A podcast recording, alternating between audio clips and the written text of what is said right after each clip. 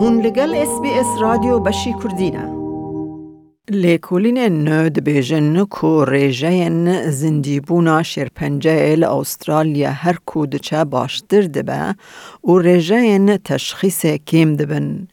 لیکن بونا ریجه یا جنان زيدا تر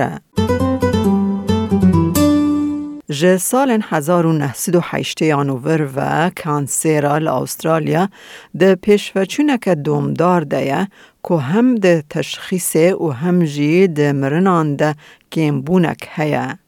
شیرپنجه استرالیا 2021 راپور که نوج انستیتویا تندرستی و باشبونه یا استرالیا Australian Institute of Health and Welfare چند صده من کم بونه دست نیشان دکه.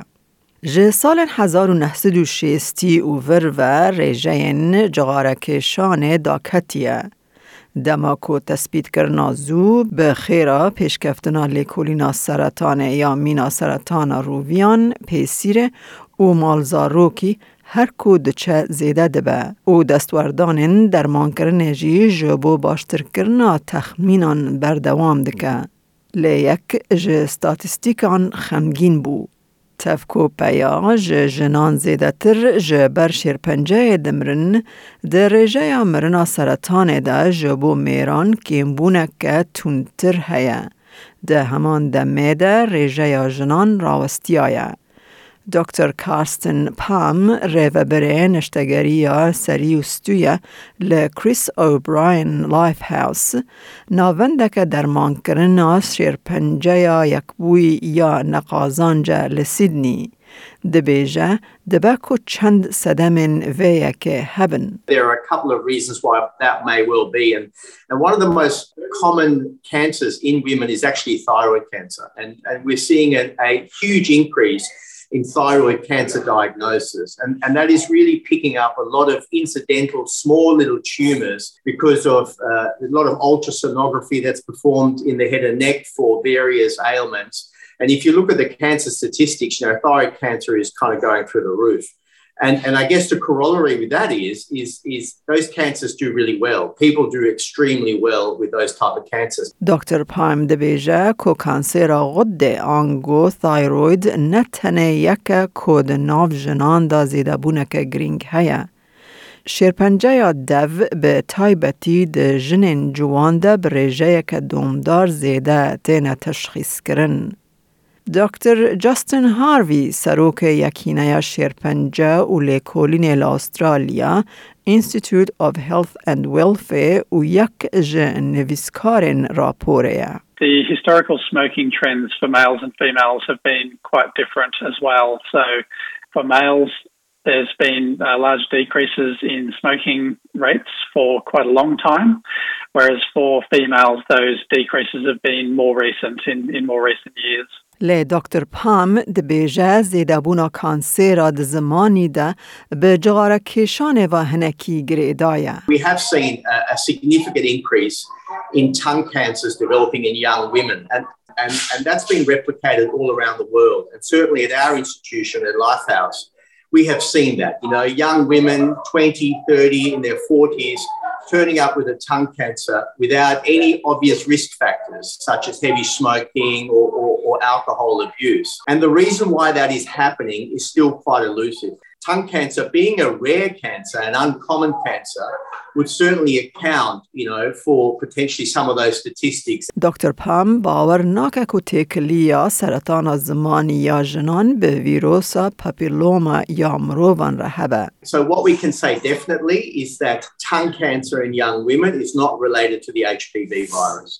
So, one of the uh, cancers that is related to the HPV virus, and this is often a little bit difficult to understand, is what we call oropharynx cancer, or cancer that occurs in the tonsil or the back of the tongue, which we call the base of the tongue.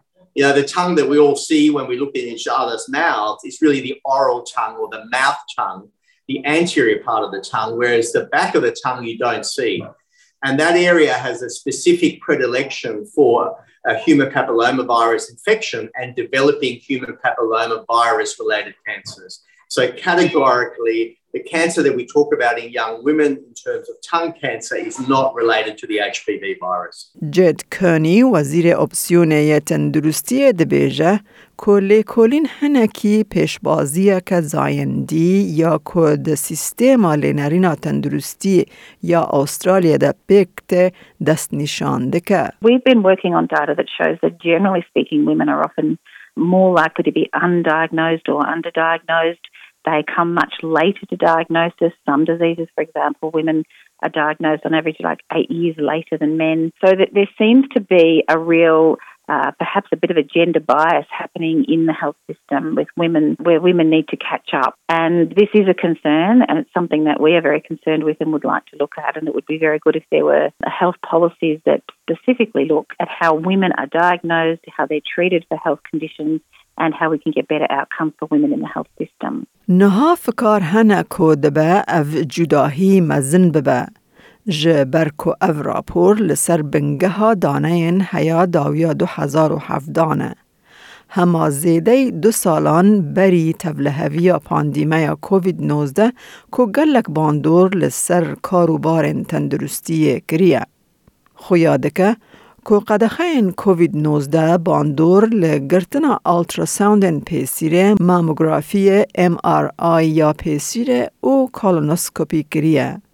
دکتر پام دەبێژە لگوری هن دلیلان کو پیش پێشنیار دکن ده دێ ببە پرسگرێکەکە که سەرانسەری وەلێت هەم لە دەروای وەلێت و هەمژی لە You know, an interesting statistic is that when you look at waiting lists to get into ENT clinics in the UK, you know, it's frightening. You know, one of my one of my fellows has just told me that in his local trust there is a waiting list of 35,000 people in getting an ENT clinic appointment. Uh, because of COVID. And, you, you, know, I think there's no doubt that, that those kind of challenges are going to be replicated in Australia. So I think COVID is clearly going to have a significant impact. دکتر پام د داویا راپور را هوشیاری ده که باندورا تواهی یا پاندیمه لسر تثبیت کرن و درمان کرنا سرطان تا دمک نای زانین.